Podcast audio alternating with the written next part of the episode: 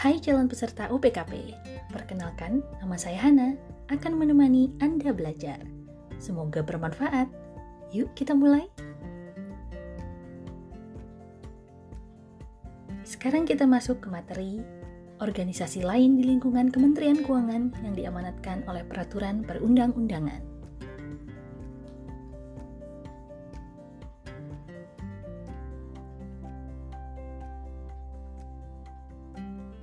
Lembaga National Single Window atau disebut LNSW dalam rangka meningkatkan kualitas pelayanan publik di bidang ekspor, impor, dan logistik berbasis transparan, konsisten, efisiensi, dan simpel.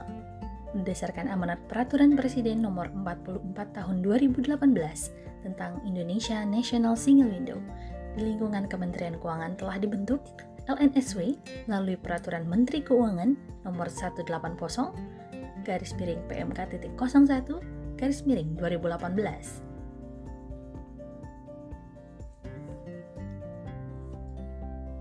Adapun tugasnya berdasarkan PMK tersebut, LNSW mempunyai tugas melaksanakan pengelolaan Indonesia National Single Window dan penyelenggaraan Sistem Indonesia National Single Window dalam penanganan dokumen kepabeanan, dokumen kekarantinaan, dokumen perizinan, dokumen kepelabuhanan, atau ke bandara udaraan dan dokumen lain yang terkait dengan ekspor dan atau impor secara elektronik.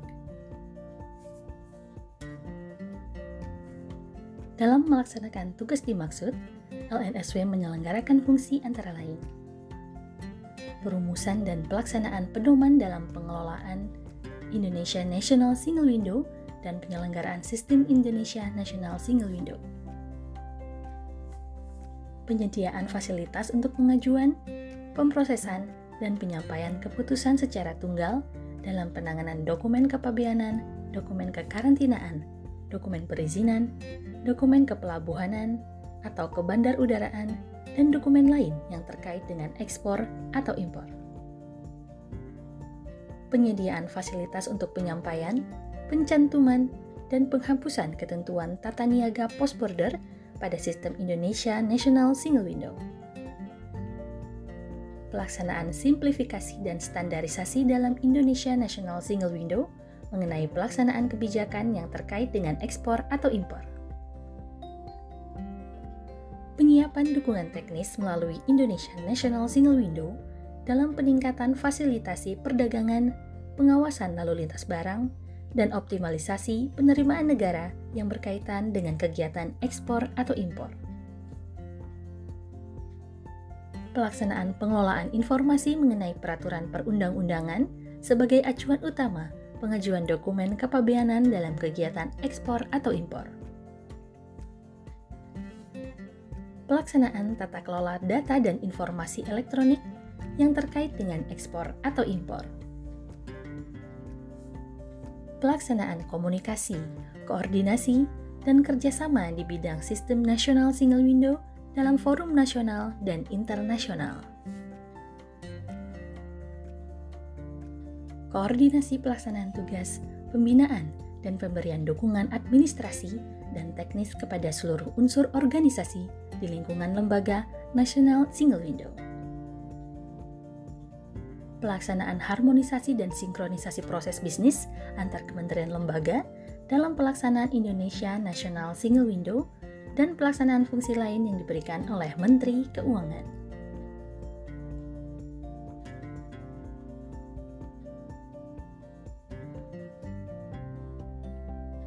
Sekretariat Pengadilan Pajak dalam rangka mengemban amanat Undang-Undang Nomor 14 Tahun 2002 tentang Pengadilan Pajak di Kementerian Keuangan terdapat Sekretariat Pengadilan Pajak atau disebut SETPP. Adanya SETPP bertujuan agar proses penyelesaian sengketa perpajakan melalui pengadilan pajak dapat dilakukan secara adil, cepat, murah, dan sederhana dengan pemberian pelayanan administrasi sengketa pajak yang lebih tertib, efektif, efisien, transparan, dan akuntabel. Adapun tugasnya Sekretariat Pengadilan Pajak berdasarkan Peraturan Menteri Keuangan Nomor 122 garis miring PMK titik 01 garis miring 2018 tentang organisasi dan tata kerja Sekretariat Pengadilan Pajak. berdasarkan Peraturan Menteri Keuangan Nomor 122 garis miring PMK titik 01 garis miring 2018 tentang organisasi dan tata kerja Sekretariat Pengadilan Pajak, Sekretariat Pengadilan Pajak mempunyai tugas memberikan pelayanan di bidang tata usaha, kepegawaian, keuangan, rumah tangga, administrasi persiapan berkas banding atau gugatan, administrasi persiapan persidangan, administrasi persidangan, administrasi penyelesaian putusan, dokumentasi, administrasi peninjauan kembali, administrasi jurisprudensi, pengolahan data, dan pelayanan informasi.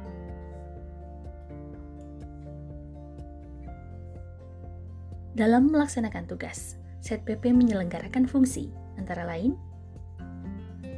penyiapan program kerja dan pelaporan serta pelaksanaan administrasi di bidang tata usaha, kepegawaian, keuangan, dan rumah tangga. Pelayanan administrasi persiapan berkas banding atau gugatan penghimpunan dan pengklasifikasian putusan pengadilan pajak, dan penyelenggaraan perpustakaan. Pelayanan administrasi peninjauan kembali putusan pengadilan pajak, pelayanan administrasi jurisprudensi putusan pengadilan pajak, pengolahan data dan pelayanan informasi, pelayanan administrasi persiapan persidangan, pelayanan administrasi persidangan, dan pelayanan administrasi penyelesaian putusan. Sekretariat Komite Pengawasan Perpajakan. Untuk mengemban amanat Undang-Undang Nomor 6 Tahun 1983 tentang ketentuan umum perpajakan sebagaimana telah beberapa kali diubah terakhir dengan Undang-Undang Nomor 28 Tahun 2007 serta untuk mendukung dan meningkatkan efektivitas pelaksanaan tugas Komite Pengawasan Perpajakan di Kementerian Keuangan telah dibentuk Sekretariat Komite Pengawas Perpajakan atau disebut Setkomwasjak yang mempunyai tugas untuk melaksanakan pelayanan teknis dan administratif dalam rangka mendukung pelaksanaan tugas Komwas Perpajakan yang bersifat mandiri dalam melakukan pengawasan terhadap pelaksanaan tugas instansi perpajakan. berdasarkan Peraturan Menteri Keuangan Nomor 117 garis miring PMK 01 garis miring 2018 tentang organisasi dan tata kerja Sekretariat Komite Pengawasan Perpajakan. Setkomwasjak merupakan unit organisasi di lingkungan Kementerian Keuangan yang secara fungsional bertanggung jawab kepada Ketua Komite Pengawas Perpajakan. Dan secara administratif berada di bawah dan bertanggung jawab kepada Sekretaris Jenderal. Sesuai Peraturan Menteri Keuangan Nomor 117 garis miring PMK 01 garis miring 2018 tentang organisasi dan tata kerja Sekretariat Komite Pengawasan Perpajakan Sekretariat Komite Pengawasan Perpajakan mempunyai tugas memberikan dukungan teknis dan administratif dalam pelaksanaan tugas Komite Pengawas Perpajakan. Dalam melaksanakan tugas, Sekretariat Komite Pengawas Perpajakan menyelenggarakan fungsi antara lain perumusan kebijakan teknis dan program kerja pengawasan terhadap kebijakan perpajakan dan pelaksanaan administrasi perpajakan. Pelaksanaan pengamatan, pengkajian, dan penanganan pengaduan, masukan, dan mediasi masyarakat. Penyusunan konsep dan pelaksanaan pemantauan dan evaluasi atas saran atau rekomendasi yang terkait dengan kebijakan perpajakan dan penyelenggaraan administrasi perpajakan. Pelaksanaan edukasi kepada masyarakat, pelaksanaan manajemen data dan informasi, penyusun rencana strategis dan rencana kerja, dan pengelolaan anggaran, organisasi, dan tata laksana sumber daya manusia, kepatuhan internal, risiko, kinerja, tata usaha, dan rumah tangga. Sekretariat Komite Stabilitas Sistem Keuangan berdasarkan amanat Undang-Undang Nomor 9 Tahun 2016 tentang pencegahan dan penanganan krisis sistem keuangan dalam rangka membantu pelaksanaan tugas Komite Stabilitas Sistem Keuangan baik secara substantif maupun administratif di lingkungan Kementerian Keuangan telah dibentuk Sekretariat Komite Stabilitas Sistem Keuangan atau Sekretariat KSSK.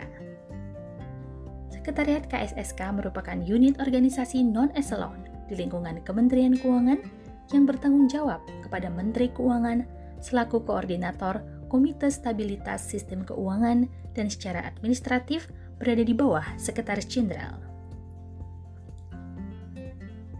Berdasarkan Peraturan Menteri Keuangan Nomor 92 garis miring PMK.01 garis miring 2017 tentang organisasi dan tata kerja Sekretariat KSSK.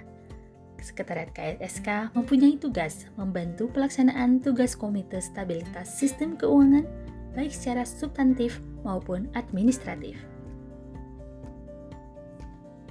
Dalam menyelenggarakan tugasnya, Sekretariat KSSK menyelenggarakan fungsi antara lain rumusan tata kelola Komite Stabilitas Sistem Keuangan dan Sekretariat KSSK, perumusan kerangka kerja, termasuk kriteria dan indikator penilaian kondisi stabilitas sistem keuangan, penyiapan bahan untuk penilaian terhadap kondisi stabilitas sistem keuangan berdasarkan masukan dari setiap anggota Komite Stabilitas Sistem Keuangan beserta data dan informasi pendukung.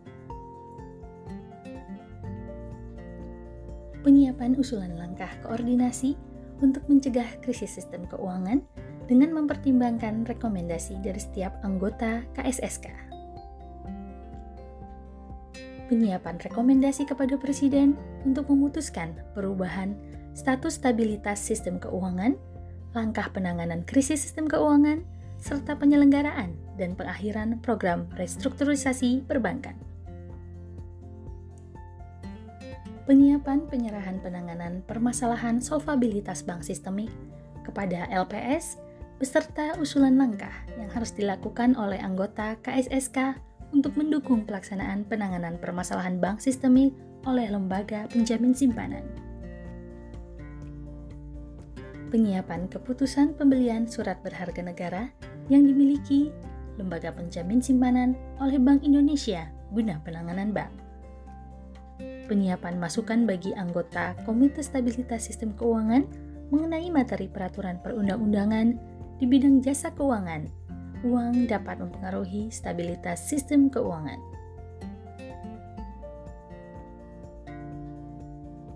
Penyiapan bahan monitoring dan evaluasi pelaksanaan keputusan KSSK. Pengelolaan data dan informasi terkait stabilitas sistem keuangan pelaksanaan kajian risiko dan hukum atas kebijakan KSSK, pengelolaan komunikasi publik dan hubungan antar lembaga,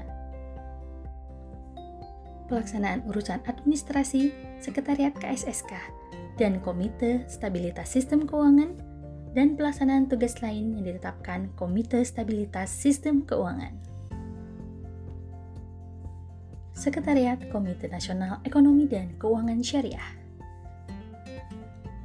dalam rangka memberikan dukungan administrasi kepada Komite Nasional Ekonomi dan Keuangan Syariah, pimpinan, anggota manajemen eksekutif yang ditetapkan dalam Peraturan Presiden Nomor 28 Tahun 2020. Di lingkungan Kementerian Keuangan telah dibentuk Sekretariat Komite Nasional Ekonomi dan Keuangan Syariah melalui penetapan Peraturan Menteri Keuangan Nomor 74 garis miring PMK.01 garis miring 2020 tentang organisasi dan tata kerja Sekretariat Komite Nasional Ekonomi dan Keuangan Syariah.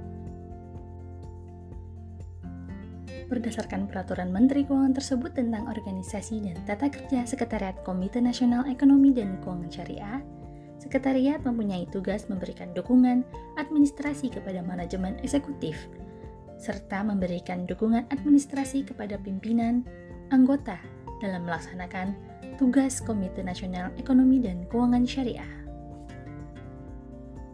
Dalam melaksanakan tugas, Sekretariat Komite Nasional Ekonomi dan Keuangan Syariah menyelenggarakan fungsi antara lain